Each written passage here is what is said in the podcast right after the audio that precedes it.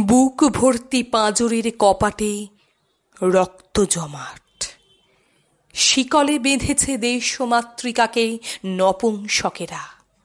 ওই অমানবিক, নির্যাতনকারী মানব মৃত্যুদূত। অন্ধকারে কারাগারেও বন্দিনীর নিষ্পাপ আলো, নিদ্রাহীন বিষণ্ন তনুর কাতর যন্ত্রণা। দেশ মাতৃকার নির্বাক চিৎকার, স্বাধীনতা দাও, স্বাধীনতা। রাজা, রাজতন্ত্র নেই।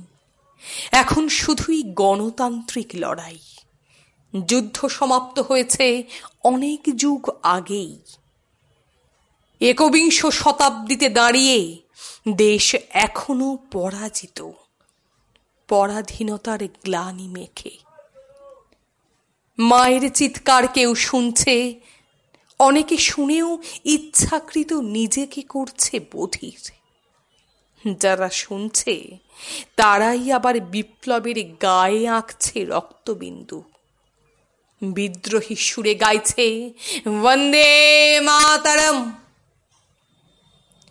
নেতা, মন্ত্রী, সাংবাদিক, নিজেদের মিডিয়ায় বিজ্ঞাপনের প্রচারে ব্যস্ত। মাস্ক মুখোশে নিজেদের মনুষ্যত্বে ধরেছে ছদ্মবেশ। অরাজকতা, অমানবিক শৃঙ্খলহীনতায় দেশে কাতর।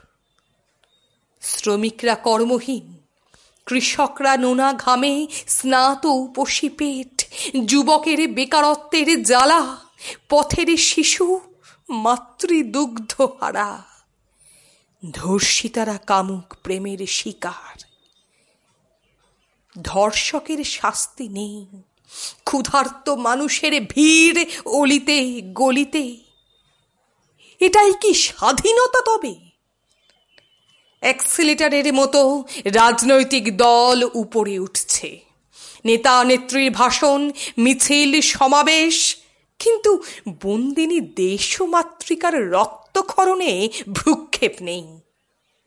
হারিয়ে যাচ্ছে মায়া, মমতা, স্নেহ, ভালোবাসা। কেউ আওয়াজ তুলছে না। সবাই নির্বাক বোবা হয়ে ফ্যাকাশে চোখে দিন কুঞ্ছে সৈন্যদল শুধু পাহারা দিচ্ছে সীমানা। বন্দিনী দেশ মাতৃকা।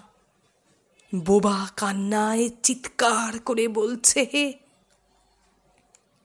এই তো তোমাদের স্বাধীনতা প্রাপ্তির তিয়াত্তর বছর।